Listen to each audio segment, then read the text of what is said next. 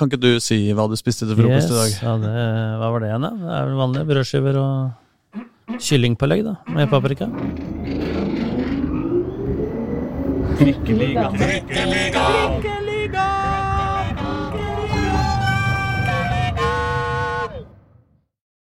Mine damer og herrer og andre, velkommen til Trikkeligaen sesong 5, episode 7 har det blitt nå. Jeg heter Aslak Borgersrud, sammen med meg har jeg som alltid Reidar Solli. God dag, god dag. Halla. Pål Karstensen er med også. Hei på deg. Yeah! Og vi befinner oss i dag eh, i eh, jeg, jeg må si det er kanskje favorittstudiet vårt, er det ikke? Jo, dette er det mest avanserte vi har. Ja, også best utsikt. Ikke minst. Det er det viktigste. Eh, igjen altså skuer vi over det snødekte Intility fordi vi har Petter Myhre på besøk. Halla, velkommen. Hei, eh, eller det er kanskje vi som kommer på besøk. Ja, nå er det dere som kommer på besøk til meg. Det er ikke det at jeg frekventerer dette studioet her så ofte. Jeg har vært der en gang før. Det er vel fire-fem år siden, men eh, det er god utsikt her. Ja, det Det er er, ikke sånn, sant? vi- det er sånn vi skulle hatt fra kontoret vårt. Mulig vi flytter kontoret hit, vet du. Ja, for dere sitter, i en bunker, sitter i en ordentlig bunkers. Da. Vi sitter i en bunker, ja, så vi ser ikke dagslyset vi, eh, fra vi kommer om morgenen til vi drar hjem om kvelden. Så Mitt inntrykk er at folk som jobber i Vålinga, de snakker om nullte eller femte, er det ikke det? ja, det er nullte. Ja, ja, Det er ja, oss, og så ja, er det? Er- femte er eh, Det burde jo vært omvendt.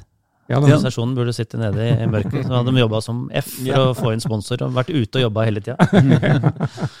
Men bare dere ikke overtar dette første det er, det, Nå er vi først, er vi ikke det? Jo. Ja. Eh, dette deilige podkaststudioet. Ja, vi får se. Kaste bort det på kontorer. Ja, Eh, det hadde ikke vært bra. Du, du har jo akkurat uh, kommet inn her. Har du blitt, uh, har du blitt husvarm ennå? Begynner å bli. Mm. Det er selvfølgelig mye å sette seg inn i.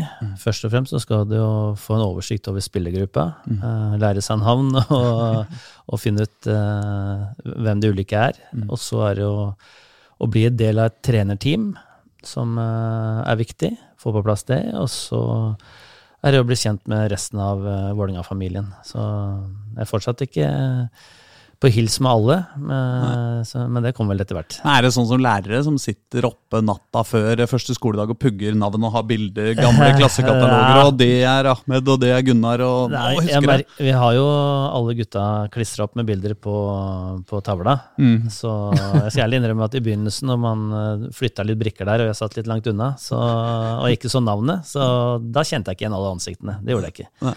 Men eh, det har kommet seg nå, så det, det er ikke noe fare. Som var den derre Altså, nå har du, du, du rakk å få noen måneders, eh, noen måneders fri mellom, eh, mellom Lillestrøm og, og Vålerenga. Mm. Men Åssen var, eh, var forskjellen? Hva er forskjellen i gruppa? Nei, det, forskjellen Det er ganske mange forskjeller. Eh, men det som er mest likt, er at du er en veldig fin eh, gjeng med trenere eh, som du jobber sammen med hver dag. Og en spillergruppe som har lyst til å bli bedre. Så det er på en måte det, største likhetstegnet og det viktigste for meg. Mm. jeg må glede meg til å dra på jobb. Det gjorde jeg eh, hver dag i Lillestrøm, og det har jeg gjort hver dag her. Og det gjorde jeg hver dag forrige gang jeg var her òg.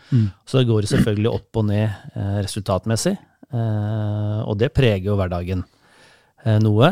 Men eh, så lenge du jobber hardt sammen med folk du liker å være sammen med, så er man privilegert. Eh, og det var i Lillestrøm, og det føler jeg at det er her nå.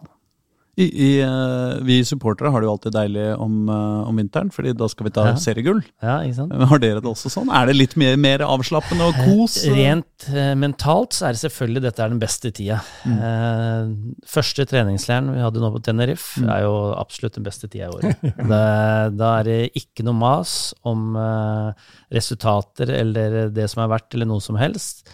Og så kan du konsentrere deg om kun det du egentlig er her for, og det er å eh, hjelpe de spillere til å bli bedre. Så var det jo selvfølgelig litt eh, nå at vi er veldig få folk. Kom litt skjevt ut av hoppkanten. Det skulle, var mye rykter om hvem skulle bort, og hvem skal inn, osv. Det, det preger jo litt rann, hverdagen. Men rent sånn mentalt, eh, mental helse, eh, så er jo selvfølgelig denne tida bedre enn sesongen. For det, når sesongen eh, blåses i gang, så, så er det hektisk. Og da går kverna 24-7. Så det er ikke nødvendigvis så veldig sunt. Hva er det dere holder på med om dagen, da?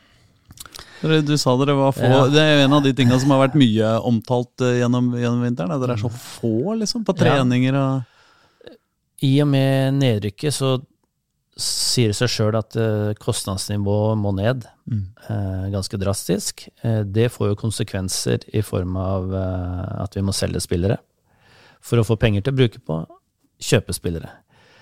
I tillegg så er det også spillere som da naturlig nok ønsker seg andre steder, som ikke har lyst til å være med på denne Obos-reisen.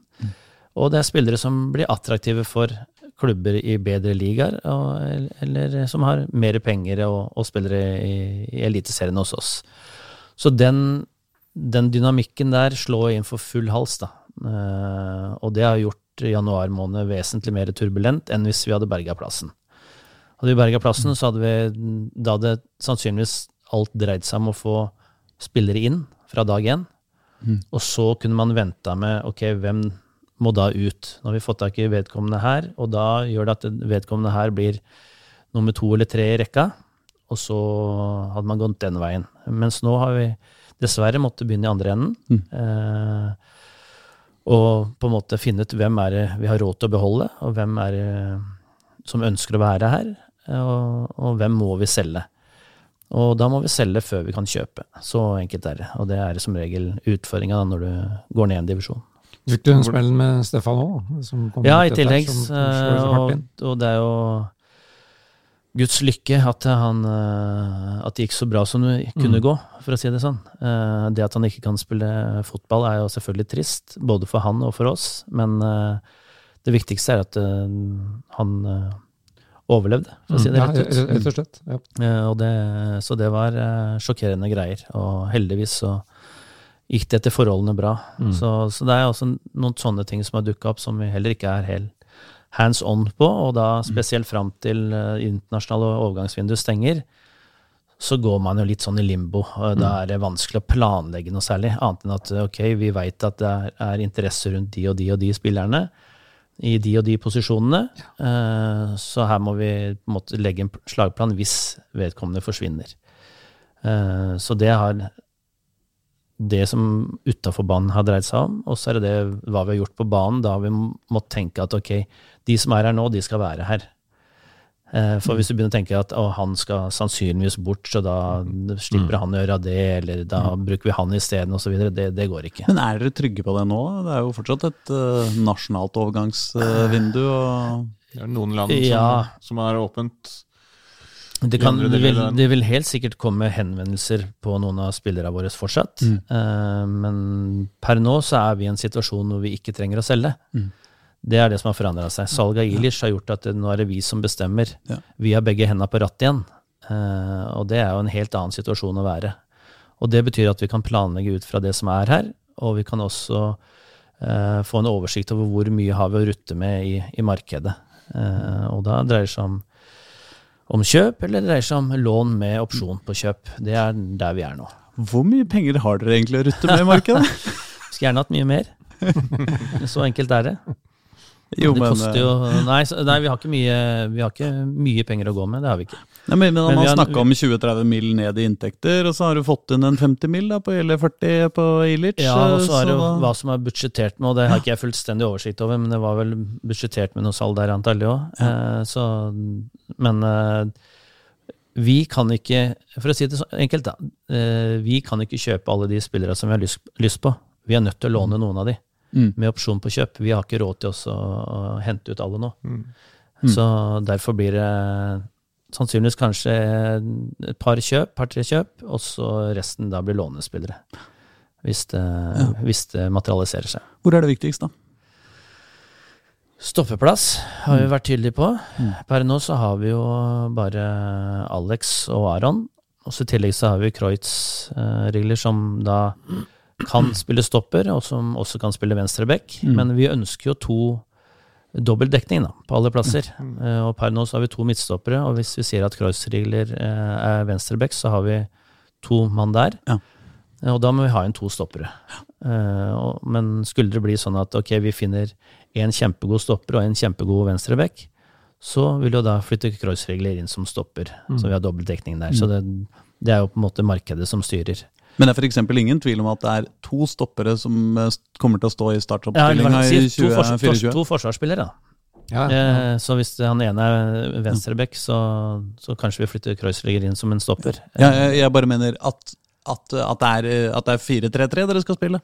Eh, vi skal spille 4-3-3, ja. Mm, det er det. Det er vel gjerne litt sånn på, på topp også. Jeg snakka litt med, med Geir om det tidligere i dag, om at når dere henta inn en spiss, eh, så er det kanskje sånn at altså, dere ser jo også på en spiss, men det kan også være en, en kantspiller der også, for da kan du skyve Jonas. Jonas, inn, Ja. inn, som stå, eh, inn som spiss, i stedet for at han spiller på kant. Så det er vel litt fleksibilitet i de offensive spillerne dere ser etter også. Ja, så, så veldig, veldig sånn skjematisk. Da skal du si at vi skal ha inn to forsvarsspillere, og så skal vi ha inn en midtbanespiller, og så skal vi ha inn en angrepsspiller til.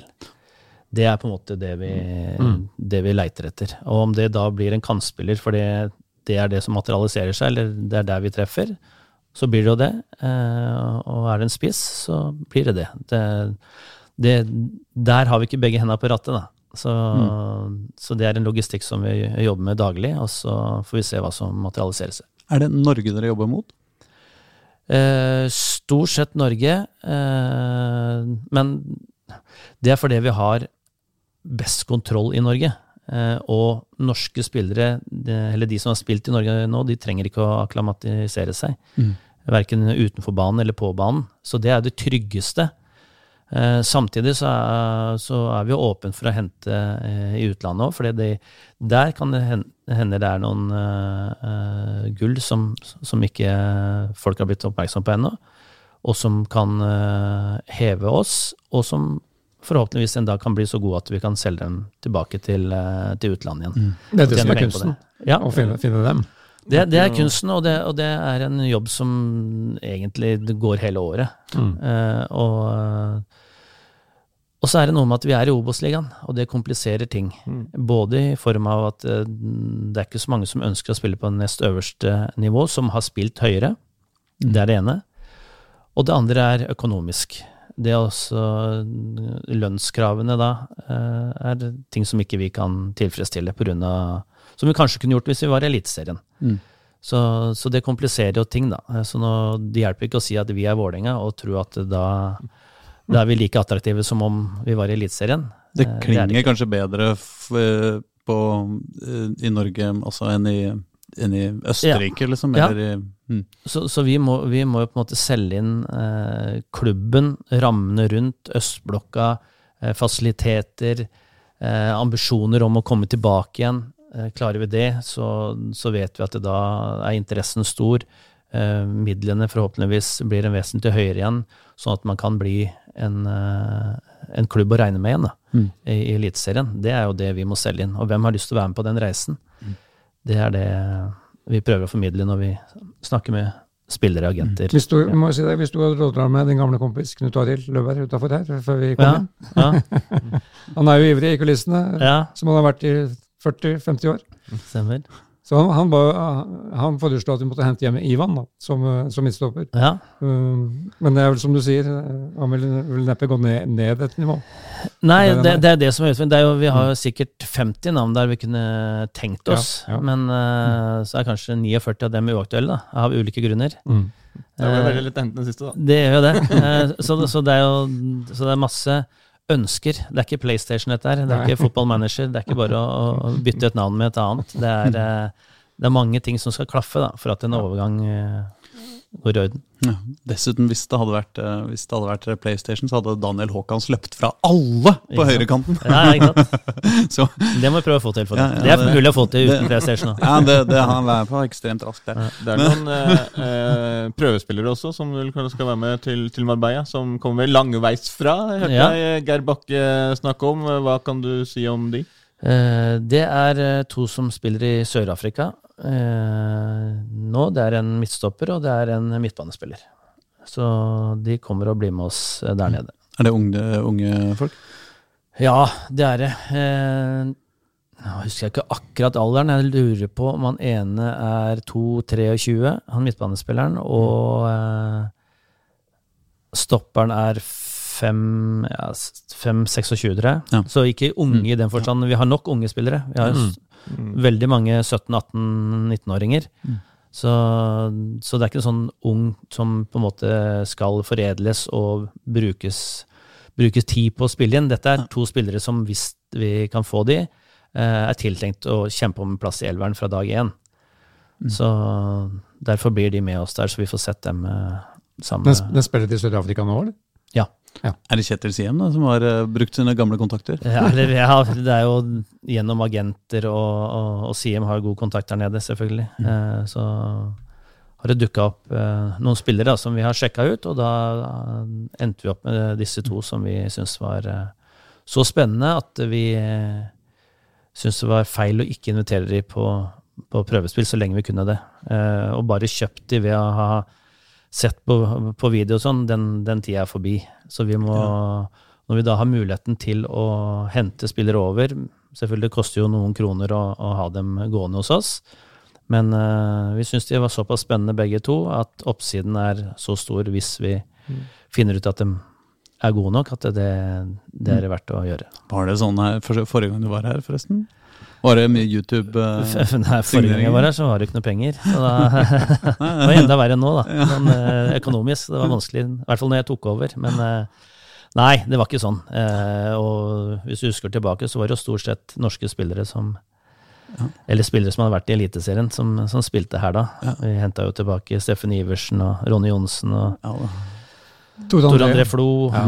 Eh, ja, det var mange Magne Hoseth mange- var det også nå? var det Ja, det var mange kjente navn der som alle visste om. Så du tenkte ikke å Nei. sitte på Y-Scout døgnet rundt for å finne ut om de gutta var gode nok eller ikke. Fantes Y-Scout den gangen, egentlig? Sannsynligvis ikke. Nei, det tror jeg ikke, altså.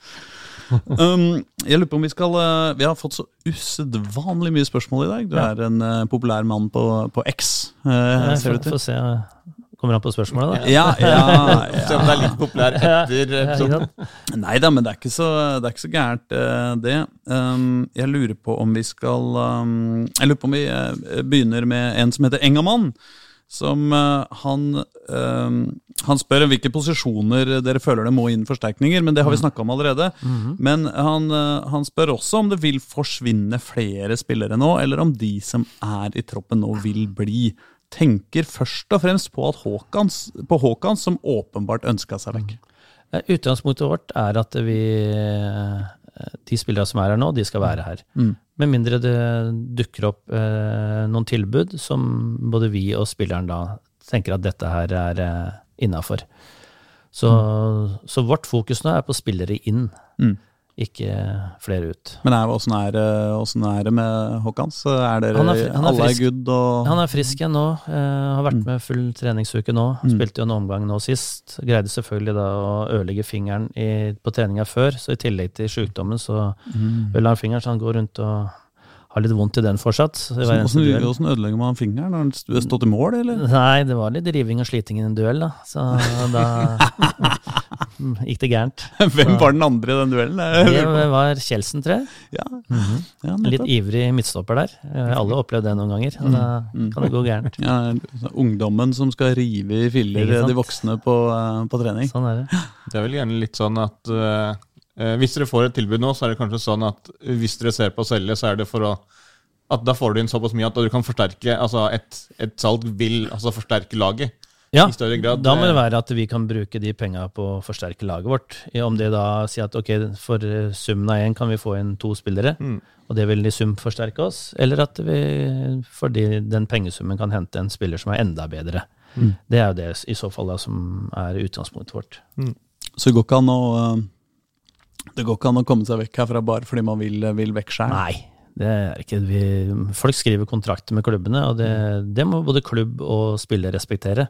Mm. Det er jo, du har jo andre veien nå, hvor klubber prøver å fryse ut spillere som de ikke vil ha her. og det, det er like dårlig sport, det. Mm. Uh, Men dette har jo blitt en, en mer aktuelt eh, med alle agentenes inntog, Mm. eh, som da skal representere spillerne. Det er mye lettere for en spiller nå å skyve agentene foran seg, eh, og de tar på en måte møkkajobben. Mm. Eh, og så er det noen agenter som eh, og Det er viktig å presisere at det, eh, jeg snakker ikke om alle agenter, jeg snakker om noen agenter, som Mm. da også ikke skjønner mekanismene helt, og, og bare tenker at det, spilleren skal ha alle rettigheter. Det, det er også feil. Han har, han har ikke hatt pistolen mot tinningen når han har skrevet under en kontrakt. Han vet fullstendig hva han skrev under på, mm.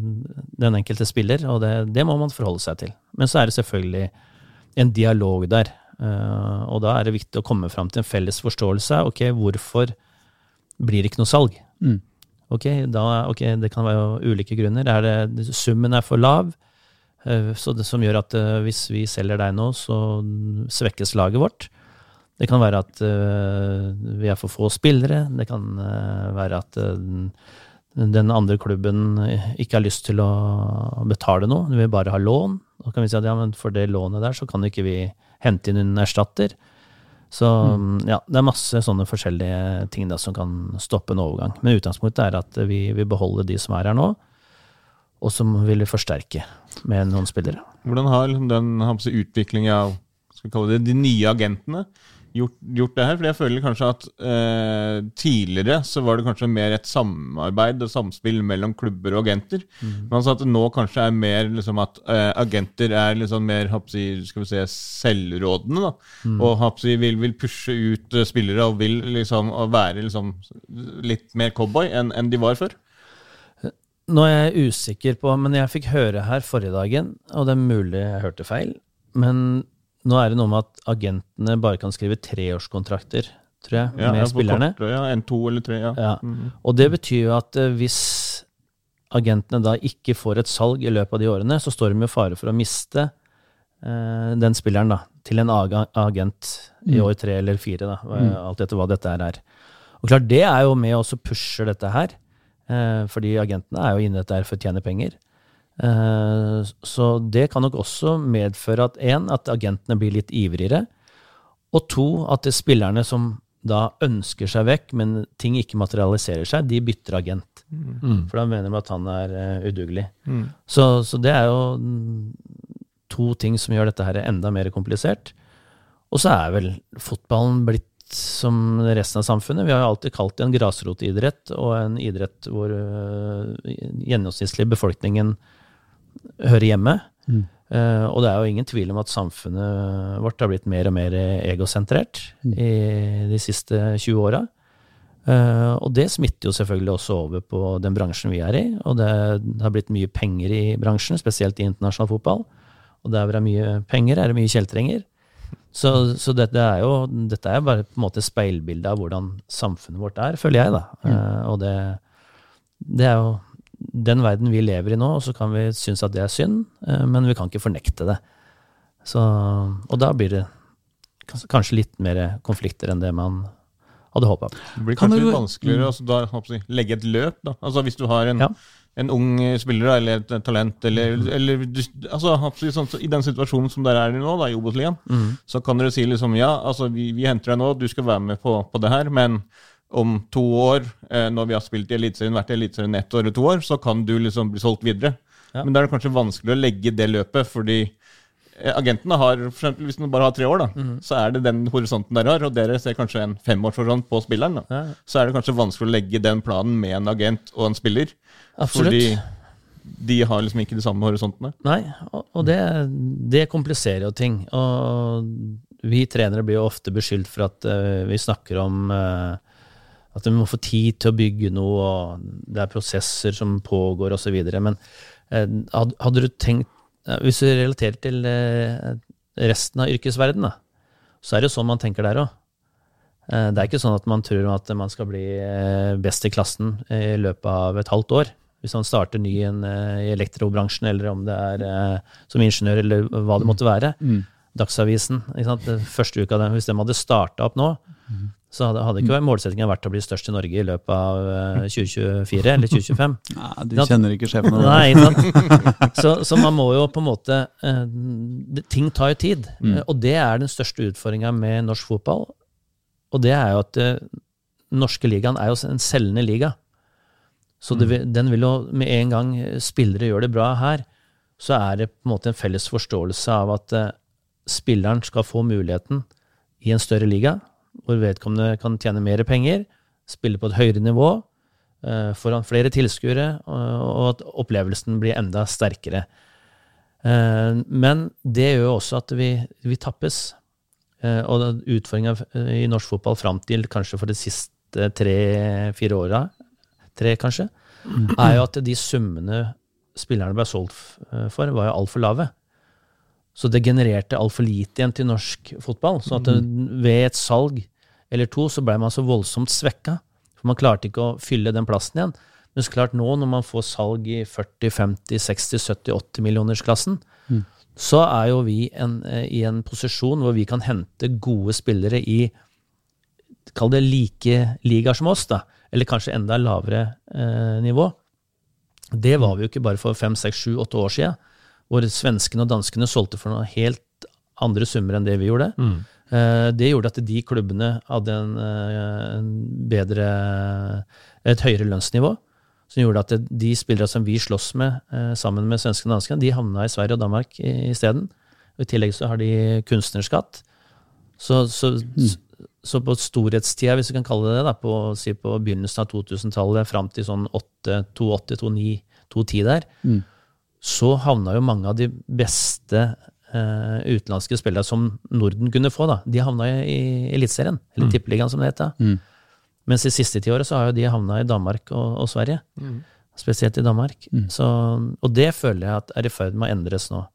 Men igjen tilbake til det du spurte, nå sporer jeg her. Det er, det er jo vanskeligere å tenke langsiktig, fordi du veit at Ja, sånn som eh, her nå, da.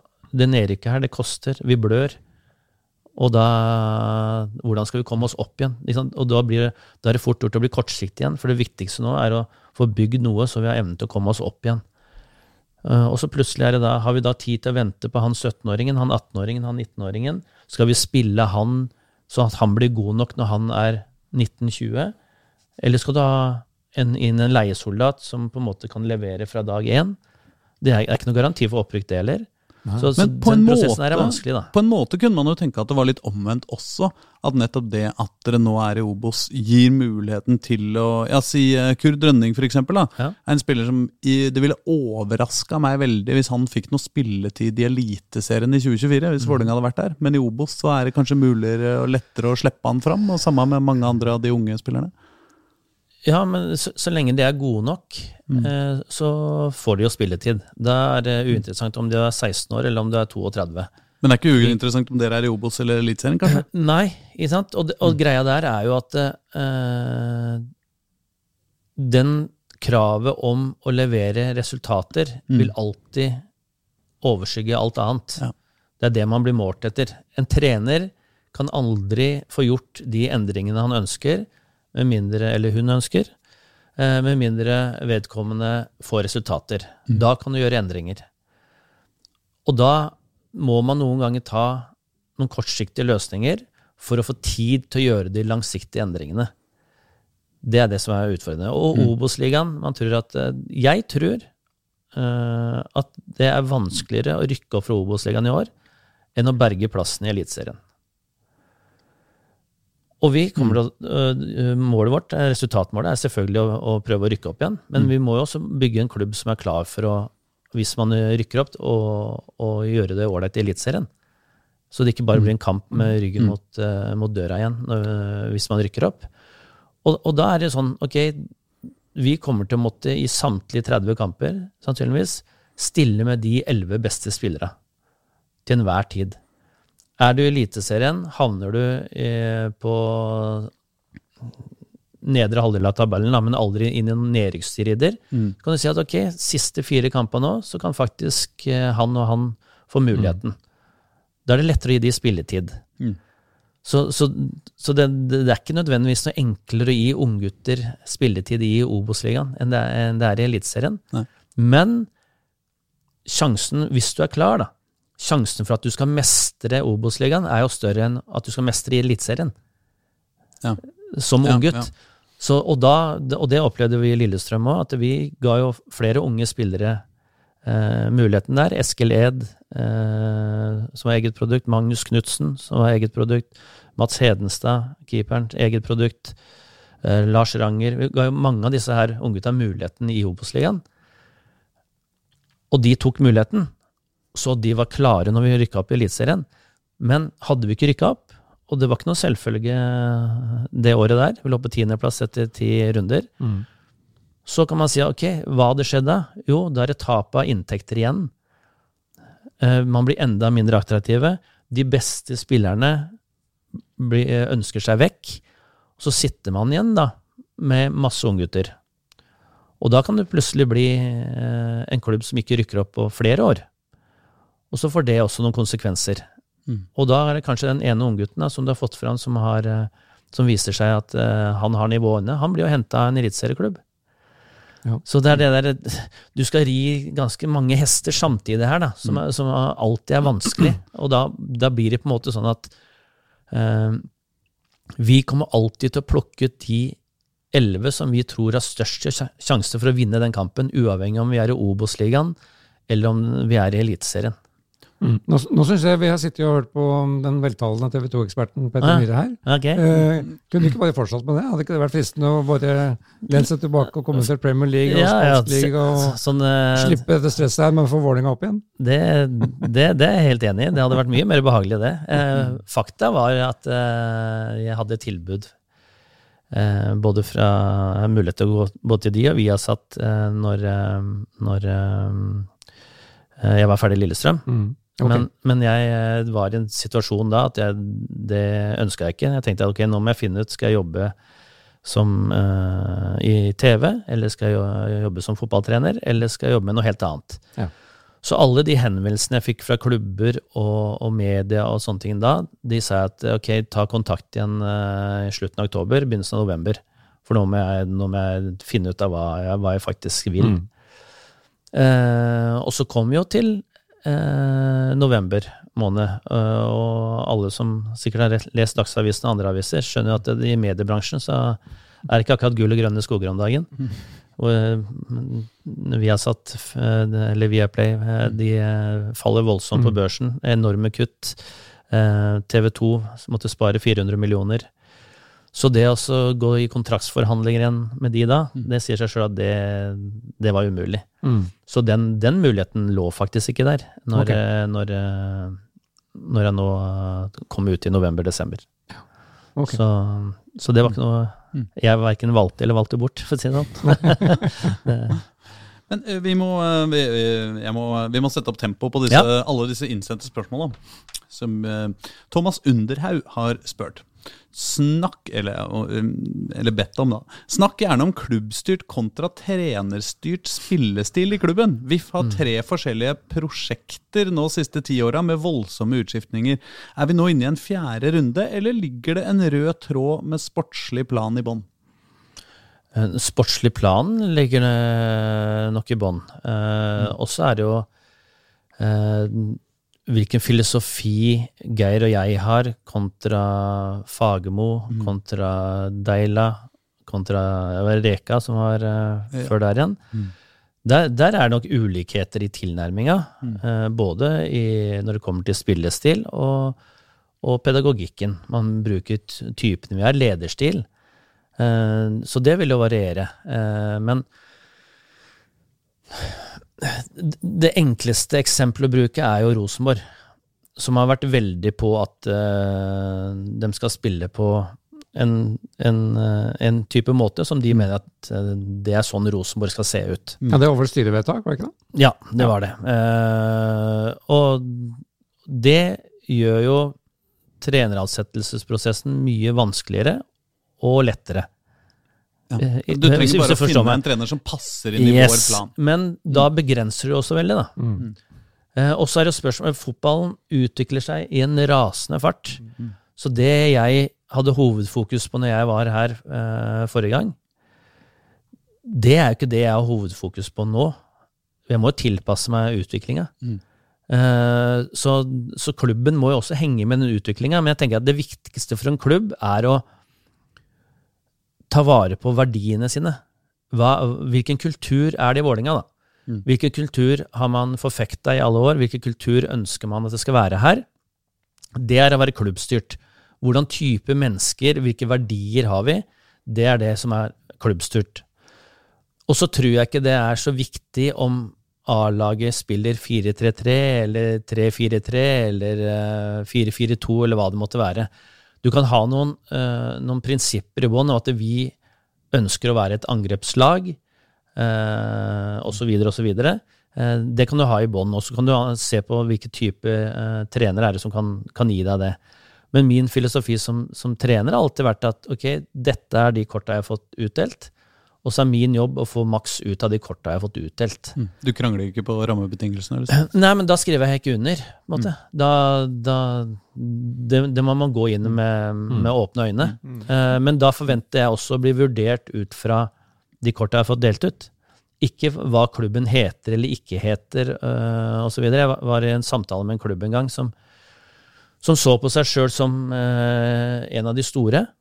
Eh, og, og det var ikke måte på. De skulle rykke opp, og det var helt håpløst at de ikke kjempa i toppen. Og jeg satt og hørte på det styret og det, noen av lederne der i en time. Så sa jeg at ja, men hvis dere hadde bytta emblem med Strømmen, Mm. så, så hadde dere aldri sittet her og snakka om opprykk.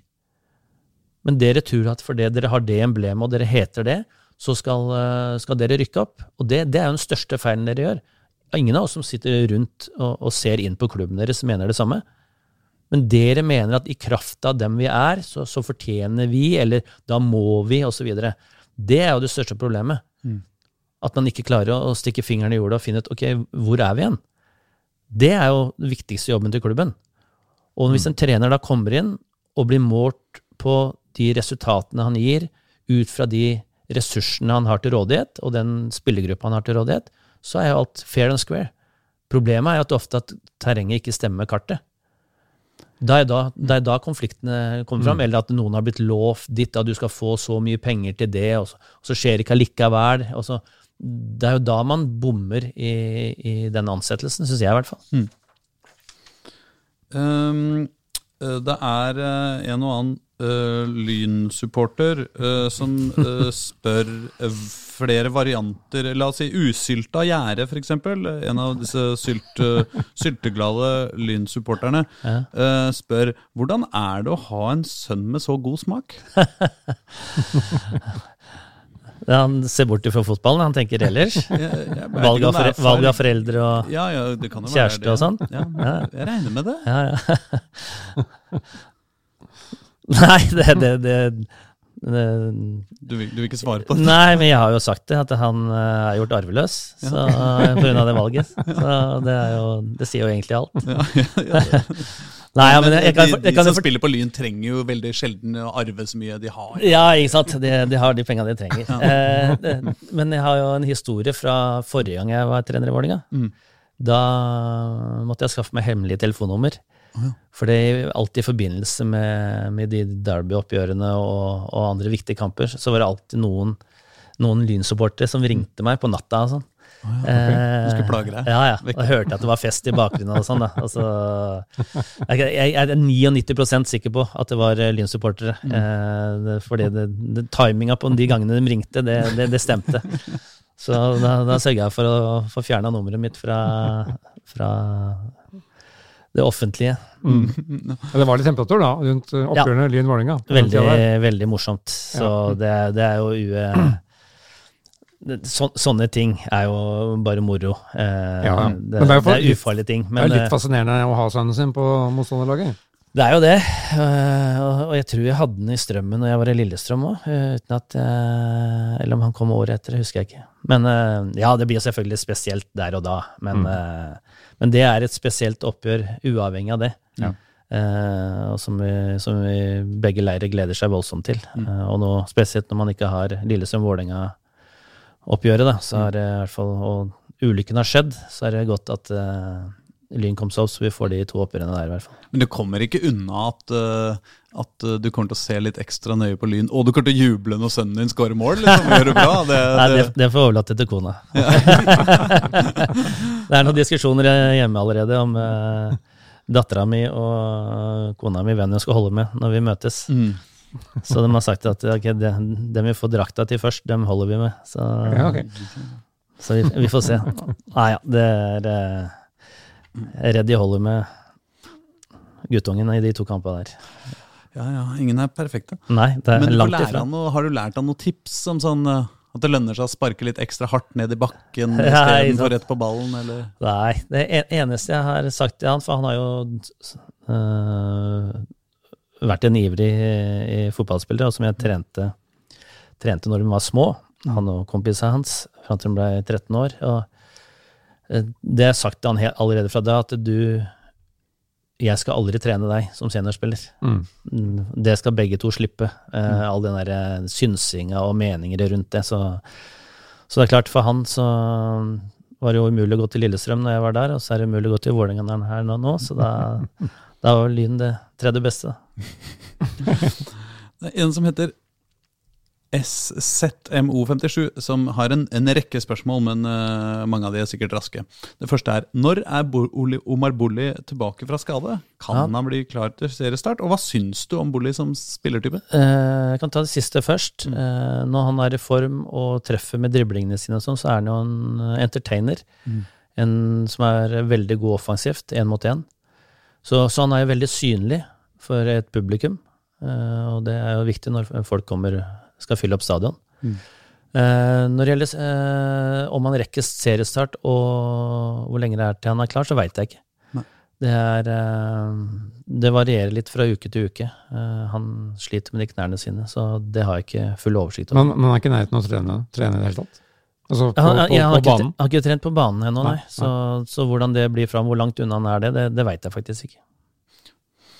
Tror du at nedrykket til Vålerenga og opprykket til KFM kan resultere i at flere store Oslo-talenter velger bort VIF til fordel for KFA?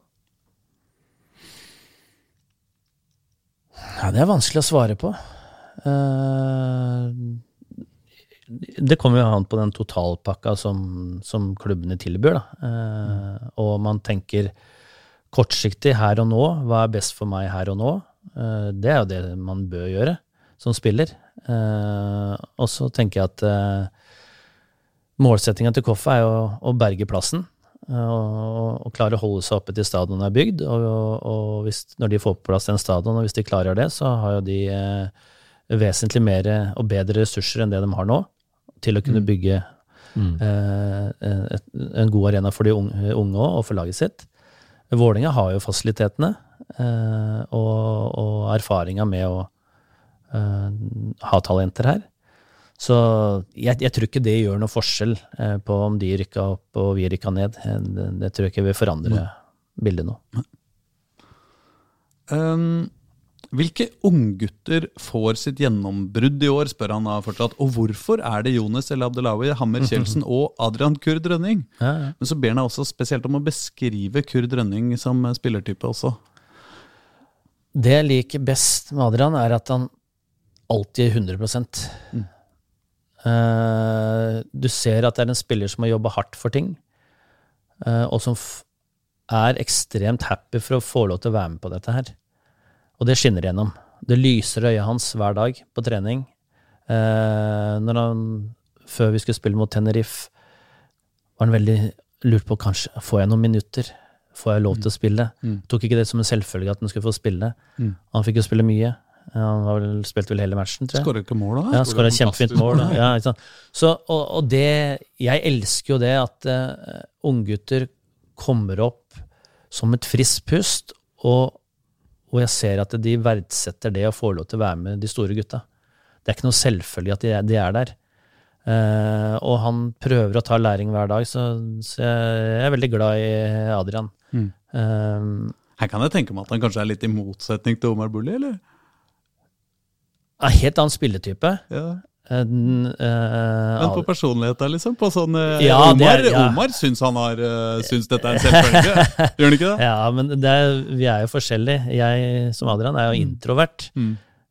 Omar Bulli er jo ekstremt ekstrovert eh, som type. Og klart det, det, det Vi trenger begge deler.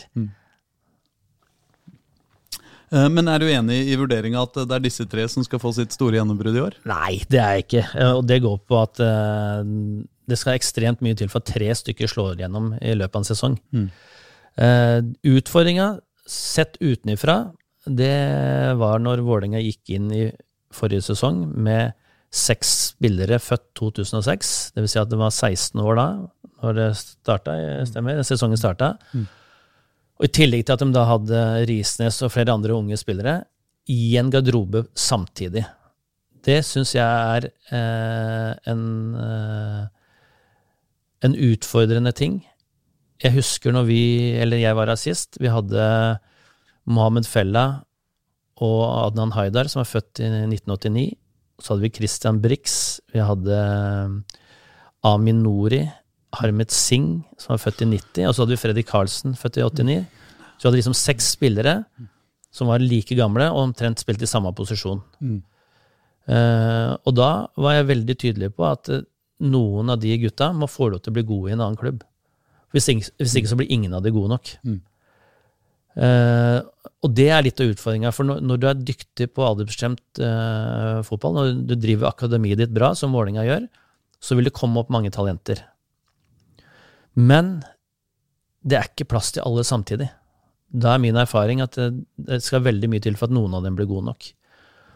Og da tenker jeg at eh, når de tar opp da seks stykker samtidig, eh, og inn i en garderobe, hvor det da sitter 16-åringer i ett hjørne, og så sitter det noen 30-åringer i motsatt hjørne, så blir den dynamikken i en garderobe utfordrende. Eh, og da er det ikke sikkert at noen av partene har veldig godt av det. Så jeg tenker at eh, de gutta nå, de skal, nå er de ett år eldre. De skal få tid på seg. Jeg syns det er altfor mye stress nå, etter at Martin Ødegaard lykkes når han var 15-16 år. Så, så er det nesten karrieren over hvis du ikke har eh, spilt deg til fast plass når du er 19-20 år, og det er jo bare tull. Så, så vi skal ta vare på de unggutta, for det er store talenter. Og så må vi integrere de i garderoben på en eh, god måte. De eldste gutta må ta litt ansvar på det.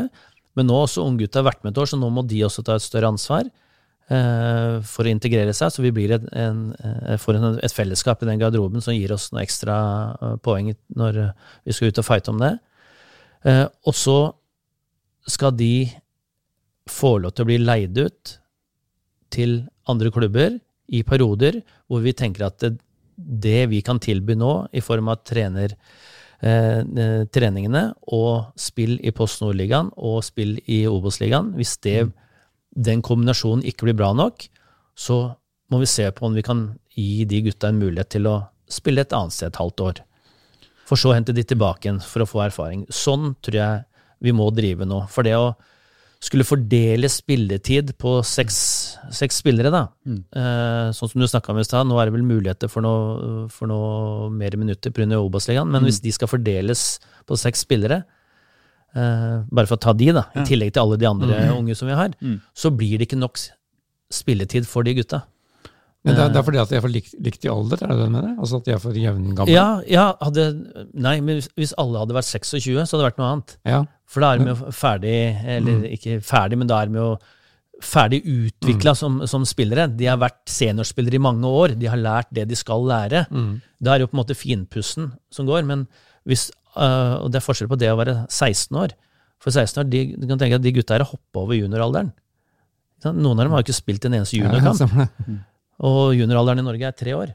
Ja. Eh, Så det, det er- noe, med- det, da. Mm. Og, og hver for seg så kan de jo være gode nok, men sammen så blir det ikke blir det for mange av dem, da. Men kan du si hvilken, hvem som står, er fremst i køen Altså? Nei, det kan jeg ikke, Fordi jeg veit ikke hvordan ting kommer til å se ut når eh, stallen vår har satt seg. Men du kommer til å, hvis du skal låne ut noen, så har du jo litt dårlig tid på en måte. Ja, men da, da tenker vi sommervindu. Det er ingen som Ja, skal nei. lånes ut nå. Nei. Eh, så, så de her skal være med å fighte om en plass på laget, de. Ja. På li- li- linje med alle andre. Ja. Og, og så starter sesongen, og så ser vi da i løpet av vårsesongen hvor mye spilletid det blir på de ulike. Og hvor mange som eh, kan spille Post Nord og få ha godt utbytte av det. Og hvem har tatt et så stort steg nå at eh, vi føler at det blir for lite spilletid for oss i Obos-ligaen. Kanskje vi bør leies ut en annen Obos- Obos-ligaklubb. Eller så kan det hende at eh, vedkommende spiller seg inn, og hverdagen her er perfekt. Men det, det veit vi ikke nå. Men vi, der, som vi snakka om i stad, langsidig tanke. Vi må klare å tenke lenger enn en uke og 14 dager og en måned. og Vi blir så utålmodige. Men eh, det er bare fordi i akkurat eh, når vi snakker om dette, så er det Blårisla, som han kaller seg på Twitter, har et, et spørsmål. Litt utafor dine arbeidsoppgaver, kanskje, men rekruttstallen er over tid blitt stadig yngre, og består nå nesten utelukkende av førsteårsjuniorer og G16. Har du noen tanker om fordeler og ulemper med en sånn alderssammensetning? Fordeler og ulemper, ja. Nei, men Dere har vel på en måte henta veldig mye av de fremste folka på juniorlaget opp på eller Jo, på det er klart, det er klart når, når vi henter opp seks spillere som da hadde vært førsteårs juniorer i fjor, da, Mm. så vil jo det si noe om eh, det som er igjen. Mm. Ja, da vil jo de, den gruppa bli, eh, bli redusert Mm. kvalitetsmessig. Så blir jo den dårligere.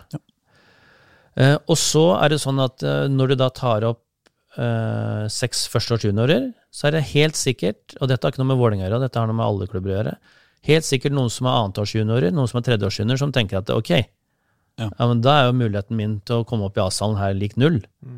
For da har de fylt opp med, med seks spillere som er yngre enn meg. Mm. Og det kan jo da gjøre at de velger å gå til andre klubber. Og da blir jo juniorlaget enda yngre igjen.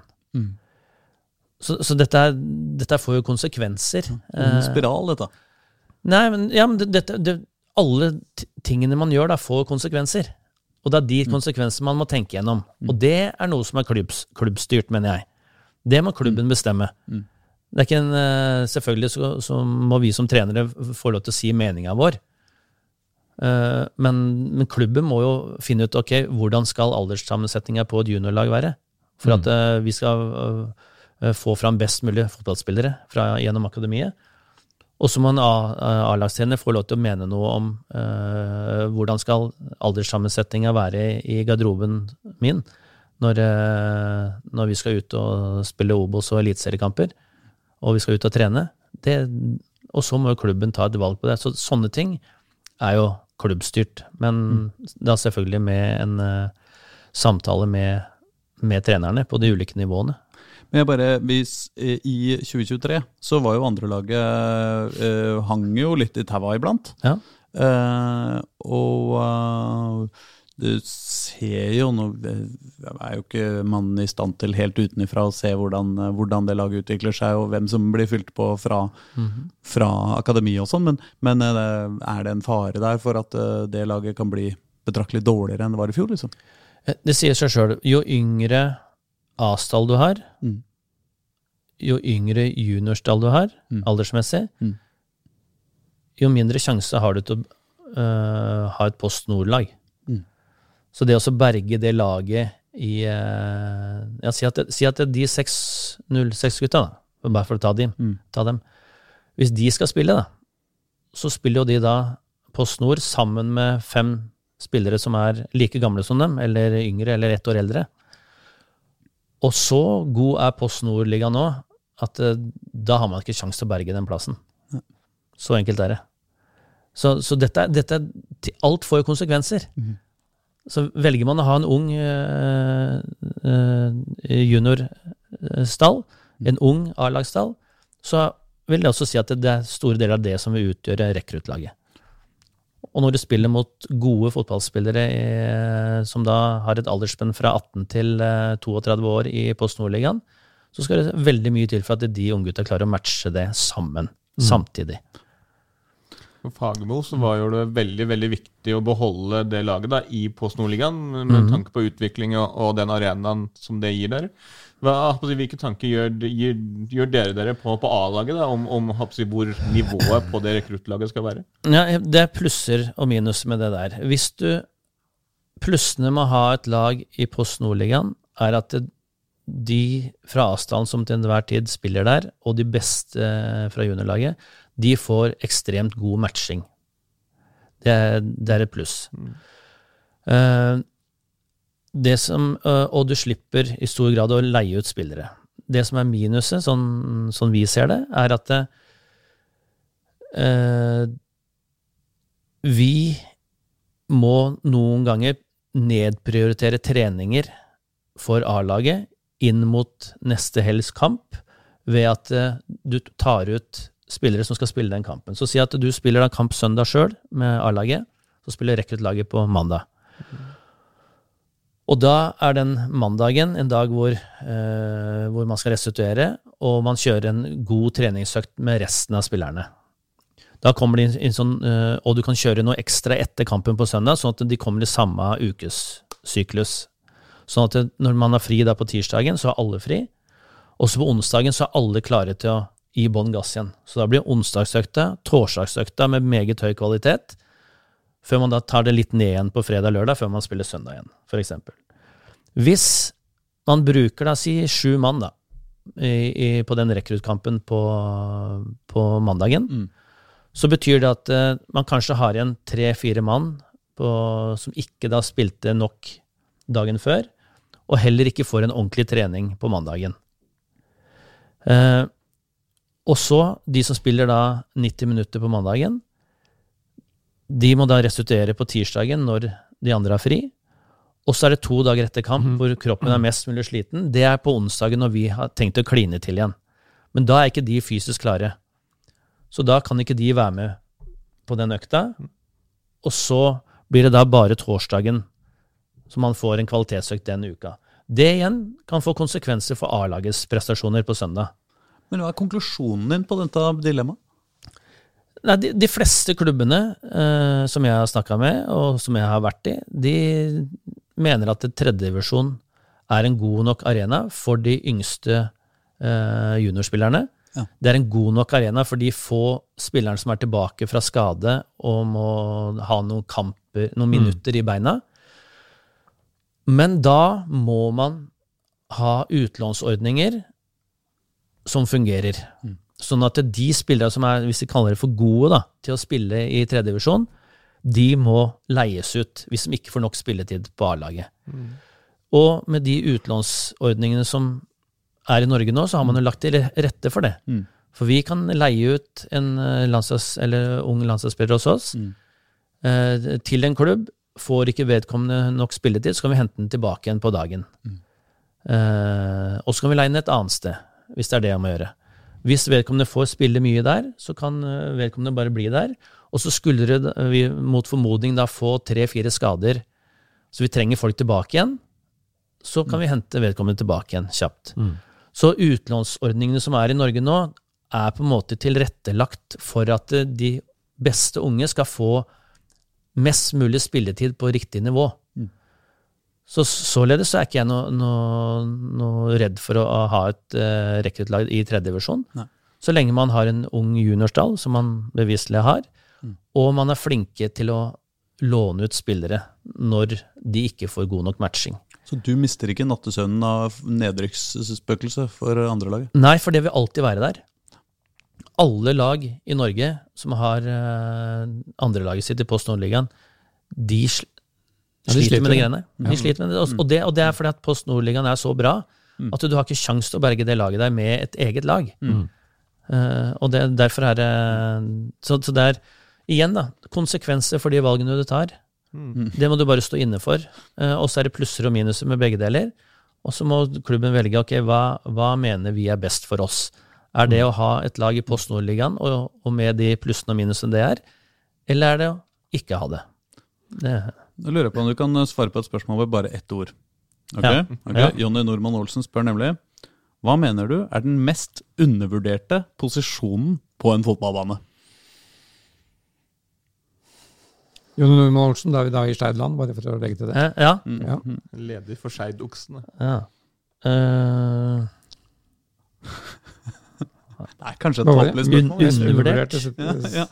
men uh, er ikke det øya som ser, på en måte? Jeg, jeg, jeg, jeg klarer ikke å svare med ett ord, men jeg Nei, kan uh, si posisjonen. Ja.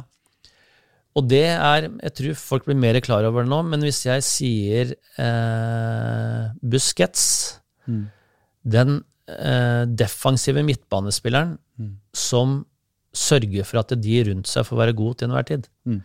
han er ikke så synlig for den vanlige tilskuer. De ser de gode driblerne, de ser de gode teknikerne, de ser de som bruker mye touch, de ser de som uh, løper mye, de som skårer mål. Mens, mens han som spiller defensiv midtbane, hans hovedjobb er å gjøre alle de andre gode, både offensivt og defensivt. Så jeg vil si at det er kanskje den, den viktigste rollen. da. Folk sier jo selvfølgelig at det, en keep, god keeper er ti poeng ekstra, en god spiss er ti poeng ekstra. Ja, jeg er enig i det. Men hvis du ikke har en sjef sentralt på midtbanen som klarer å gjøre de rundt seg gode, så, så har du ikke kjangs. Er det Elias Hagen? hos oss nå så er det Elias Hagen som har den rollen. Og, det, og, og hans jobb det er å få de gutta rundt seg til å skinne. Og det betyr at han ofte må bruke ett touch.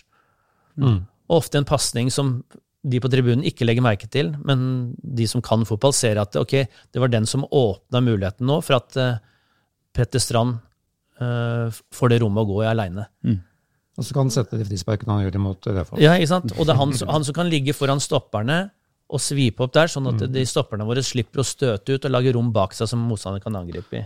Så, så jeg mener at det er hjernen i laget, da. Eh, Den, Har det blitt litt mer eh, fokus på akkurat den biten der? Fordi du, jeg husker jo eh, Det var vel han i Spania som ble kåra til turneringsspiller. Som du liksom ikke la merke til gjennom Ja. hele turneringen. Ja. Som nettopp gjorde den jobben der. Men for eksempel når, eh, når eh, Norge Eller når Spania Norge var her, da. Så så du jo Altså det var jo veldig tydelig eh, at, Kanskje at det var mest for oss som er veldig med, mer i fotball, at den jobben Rodri gjorde ja. i det Spania-laget. Var liksom, han var liksom banens beste. Altså, selv om altså, Det var jo ikke han som avgjorde kampen, men, men den, de type, altså de rollespillene der har det liksom blitt mer og mer tydelig at altså, viktigheten av, av de spillerne. Ja, og det tror jeg på at eh, Og det kan kanskje TV-sendinger eh, ha noe ære- æren av òg. At det, man, folk blir mer opplyst. I hvert fall de som er veldig interessert. Da. Nå får man jo analyser eh, i sosiale medier, på TV-en, overalt. hvor og trenere også stiller opp, uttaler seg om viktigheten av ting. Rodri er jo et veldig godt eksempel. Manchester City er ikke i nærheten av samme laget ja. uten han. Eh, og det husker jeg fra jeg jobba i Premier League, og jeg hadde en analysegang på Michael Carrick, som da hadde den rollen i Manchester United. Dette må sikkert være ti år siden. Og han var utskjelt blant eh, supporterne. Nå generaliserer jeg veldig, så er det selvfølgelig mange som syns han var god, men han, han var hoggestabben. Og stadig vekk så måtte Ferguson eh, svare på hvorfor han brukte den, osv. Og, og da hadde jeg en analyse i Premier League-studio hvor jeg dro fram alle styrkene hans, og hvorfor han var så viktig for United. Og det er faktisk den dag i dag den analysen jeg har fått mest tilbakemeldinger på. Sånn ah, det hadde jeg ikke tenkt på. Ah, ja, nå skjønner jeg hvorfor, og så videre. Og, og det er, tilbake til spørsmålet som er undervurdert, det er de som ikke er så synlige for den vanlige tilskuer. Det kan også være den som er mest undervurdert. Eh, Mikkel Kjelstrup, Kjelstrup, Kjelstrup spør hvordan var det å spille med skulderputer i strømmendraktene? Nei, vi hadde Det var, det var jo eh, Man rykka opp i 85, og så var Hennes og Maurits var jo eh, hovedsponsor. Og det var jo den tida der hvor det var skulderputer på dressjakken osv. Det var eh, hockeyhår, og det var skulderputer. Så nå skulle Strømmen ta Eliteserien med storm, med skulderputer. Så det ble sydd inn skulderputer i de eh, nye draktene. Men de ble sydd ned etter én kamp. Jeg tror det etter var mot Vålinga, første seriekamp. Og det var jo ja, de som stakkars som hadde kort nakke, den fikk jo gnagsår på øra. For det var jo det, det, det var ekstremt håpløst. Og de, de fløy jo bare fram og tilbake. Så de, ble, de var veldig lite funksjonelle, så dem ble sydd ned etter eh, første serierunde. Sydd ned, altså ikke, men tatt vekk, eller bare Nei, klart ikke tatt ut, men den- den ble sydd med masse sømmer oppå, da, sånn at det kanskje det stakk opp ja, sånn, fem mil, eller en halv centimeter istedenfor eh, tre centimeter, da, som de skulderputtene var. Men var det, var det mest flaut, eller var det litt kult også? Ja, det, nei, det var jo ikke kult. Det var ingen som følte seg kule i de eh, draktene der. Det var ikke det. det Eh, Kåre Pistol spør eh, Begynner man å se en klar bedring i spilleforståelse og samhandling i spillestilen? Eh, Petter Strand er en herlig spilletype, en bulldog om du vil. Vil vi klare å ha en trio på midten som utfyller hverandre, og hvordan få det til? Alt om midtbanen her, altså. Ja, midtbanen. Midtbanen vår blir veldig viktig. Eh, og så får vi se hvordan vi setter den sammen. Eh, per nå så er det jo Elias, Petter, eh, Henrik, Risnes er vel de som er eh, lengst framme i gata der. For det er der du har tenkt å bruke Risnes, ja? Ikke nødvendigvis, men det er de som ligger lengst, lengst framme der. Ja, Og der vil vi jo først og fremst bruke de tre som vi mener er eh, best for dagen. Eh, og så er det jo, veit vi oss at eh, noen av de også kan bekle andre roller. Og sånn som vi spiller nå, eh, som kantspiller, f.eks. som Risnes har spilt noen ganger, og som også er tiltenkt en rolle som, så er ikke det en klassisk 4-3-3-kant à la Mini Jacobsen som skal fly opp og ned langs ja. sidelinja. Mm. Eh, vi spiller på en måte offensivt som, som, gjør at de blir involvert sentralt i banen. Så da er det mer når vi, eh, vi er, eh, ikke har ball. Da blir det mer at man blir i en vanlig kantrolle. Så mm.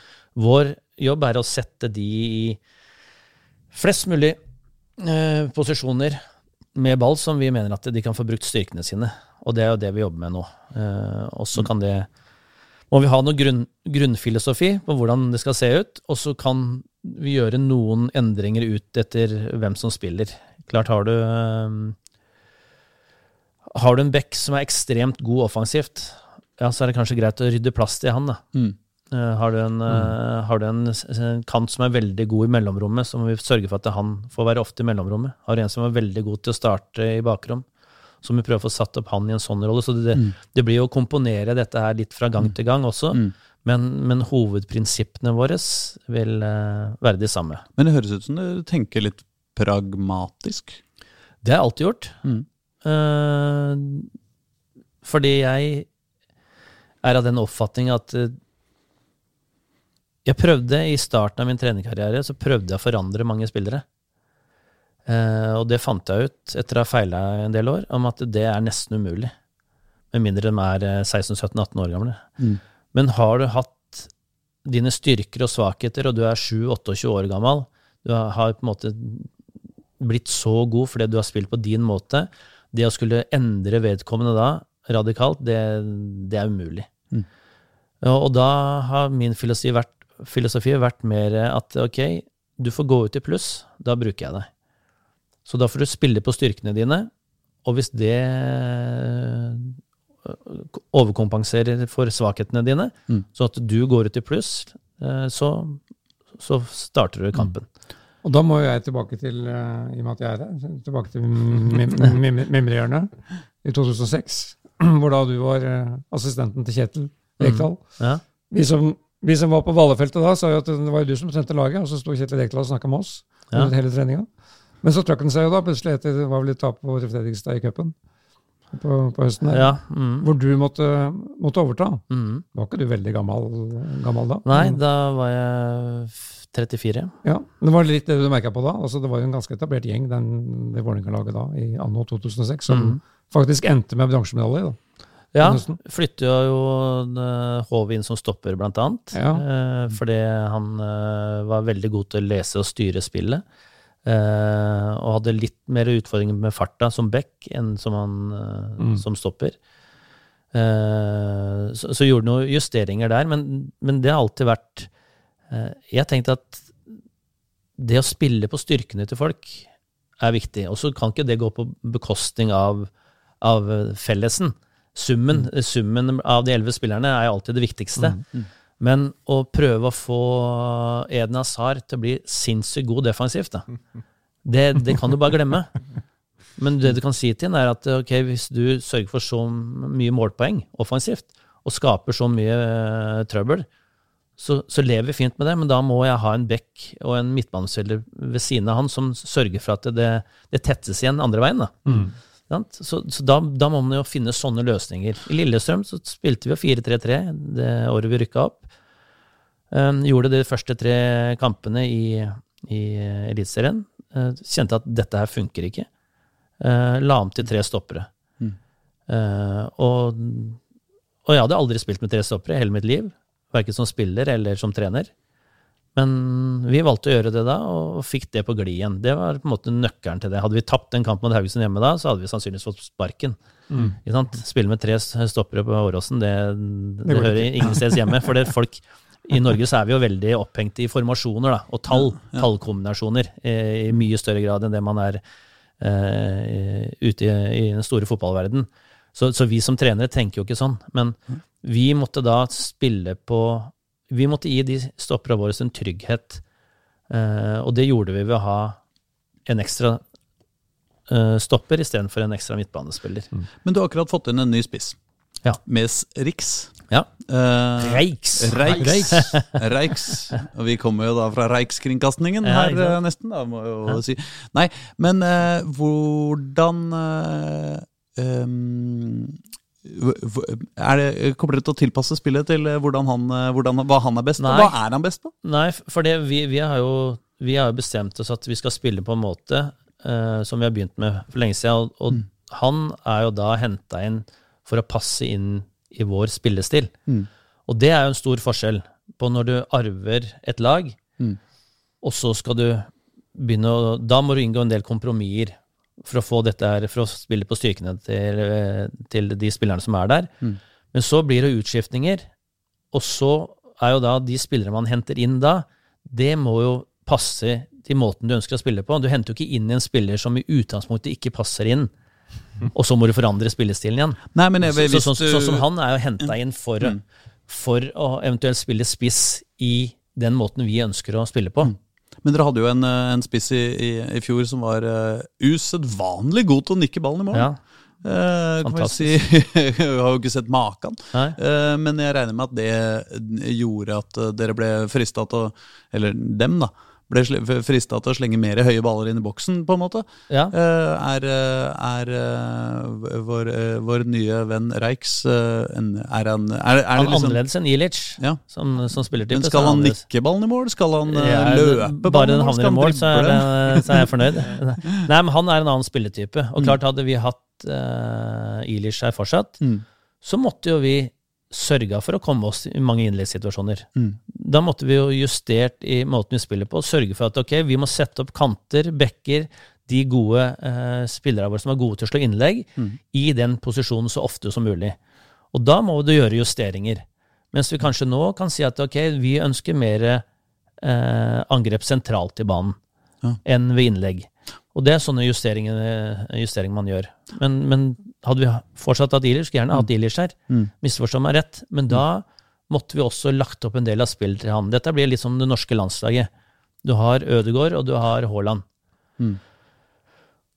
Og så ønsker jo selvfølgelig Ståle å spille på sin måte, men han kan jo ikke spille helt likt som han ville gjort i FCK, da, som han var der. På grunn av at han har de to, så må han legge opp litt av spillet etter de to. Sånn at de to får fram styrkene sine, sånn at de kan vippe de jevne kampene i Norge sin favør. Mm. Sånn er det. Mm. Og da må du inngå noen kompromisser. Mm.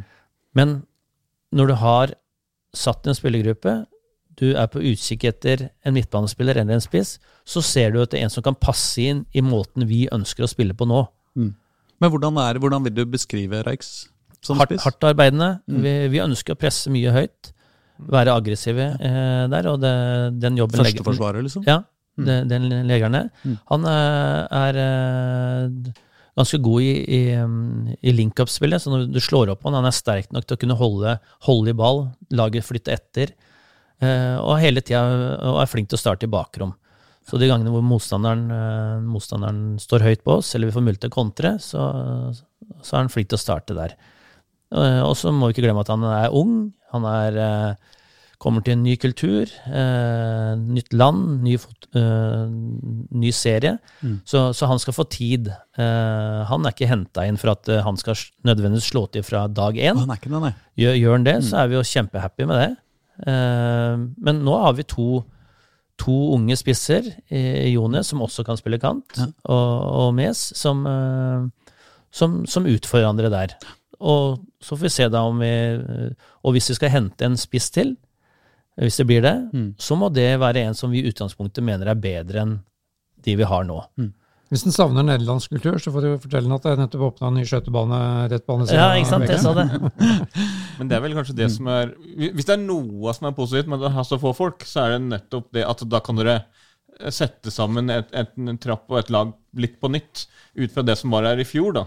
Fordi Ja. det er jo muligheter nå for oss å endre litt av, av den sammensetningen i troppen, og, og det som dere selv ønsker laget skal være, med de nye spillerne som dere nå henter inn. Ja, det er det. Uh, Utfordringa er at vi Det er seks uker til seriestart. Uh, Det er og vi- lite, ass! Og vi spiller fortsatt fem og fem, seks og seks, sju mot sju på trening. Så klart, når du skal eh, innføre en ny spillestil, så må du kunne gjøre det elleve mot elleve. Eh, og således så er det jo ikke gunstig å være så få folk på trening. Um, så, så, det haster litt med å få inn spillere nå. Uh, nå får vi jo de to sør, uh, fra Sør-Afrika på treningsleiren. Mm. Så fikk vi en mes nå, og skulle vi være så heldige å få inn en spiller eller to til før, før eller i løpet av Marbella, så, så begynner ting å falle på plass. Men, ja, men vi trenger den tida som er igjen nå, for å få satt det laget her sånn som vi ønsker at det skal være. da. Hvordan ligger det an med de konkrete de, de spillerkjøpene? For det er jo eh, både, både Jokke, som vi snakka om da, etter forrige kamp, som ønska mm. tre-fire nye spillere i løpet av denne uka her, og da Hapsi to prøvespillere på Marbella. Og så sa jo Geir Bakken, da snakka med han tidligere i dag, at han håpa at han skulle få signert én til to nye spillere mm. i, i, løpet av den uka her, og det da ikke inkludert prøvespillerne, som jo ja, ja. skal være med. Mm. Eh, det betyr jo at det er jo ikke så mange dagene igjen før dere drar. Så det, da kommer det jo da kan jo VIF-fansen eh, håpe seg eh, noen nye signeringer i løpet av disse kommende dagene. Ja, og Hadde det vært opp til oss, så hadde de vært signert og vært der allerede. Men igjen, det er eh, ved overganger så er det mange som skal mene noe. Mm. Det er mange som skal ha kaka, en del av kaka. Så det står ikke på oss nå. Det, det er Så dere har bud inne? Ja, det er, det, er, det er, klubber, agenter mm. og spillere som da må må på en måte si at dette går vi for. Eh, vi har sagt at vi går for eh, vedkommende, ja. og vi ønsker vedkommende. Mm. og sånn, og det, det, er der på en måte ballen ligger. da. Så, det, ja, da om det tar én dag eller om det tar en uke, det, det er umulig å vite. Det er... Eh, kan du da glede seg over å få inn en ny stopper eller en midtbanespiller? En, en ja, det gjenstår å se, da. Men uh, jeg tror vi skal la deg fare av gårde og sørge ja. for at det blir opprykk. Uh, det blir ikke noe opprykk at du sitter her og surrer. Nei, Det er viktigere med hvem spillere vi får inn, enn om jeg er der, men uh, Hvor, hvor rolig magen var det da dere sleit med Lillestrøm da, den sesongen i Obos-ligaen, hvor dere lå på tiendeplass?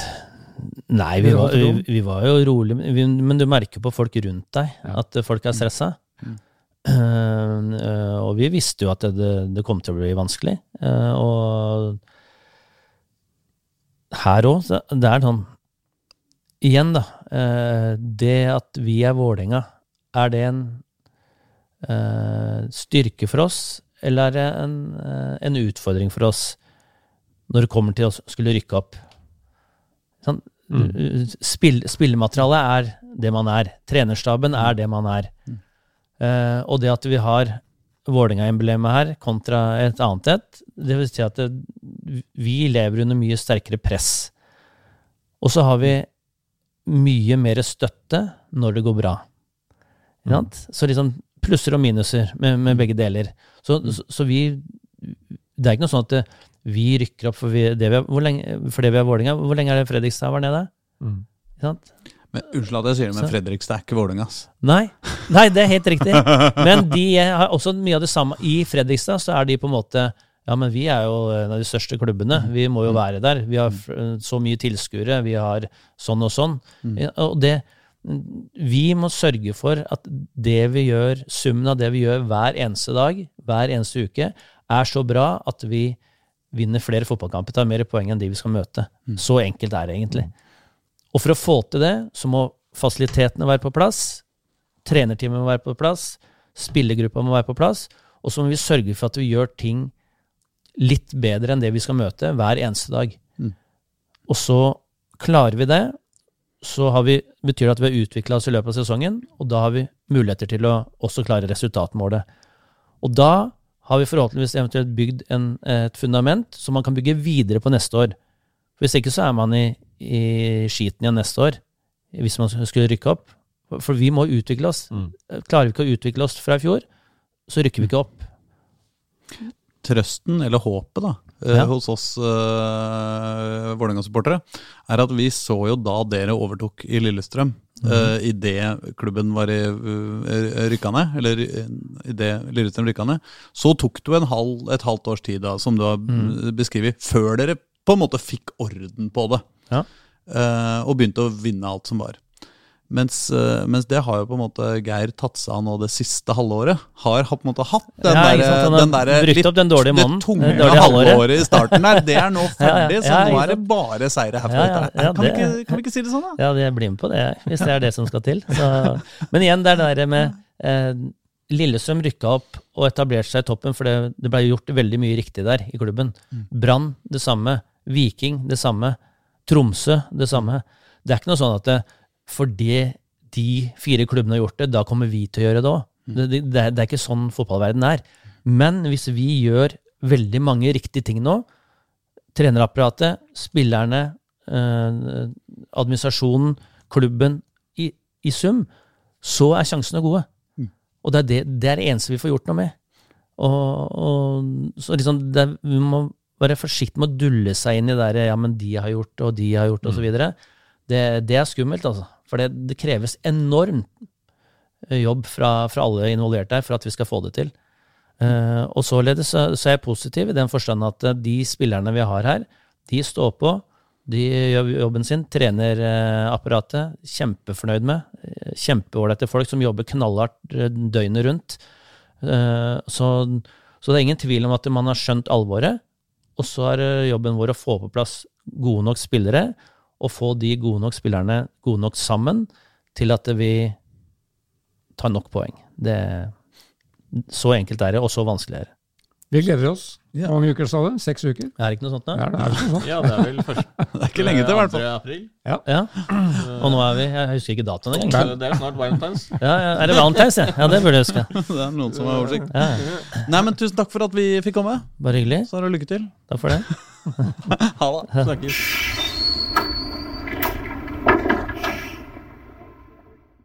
Du har hørt en podkast fra Dagsavisen. Ansvarlig redaktør heter Andreas Heen Haaland Karlsen.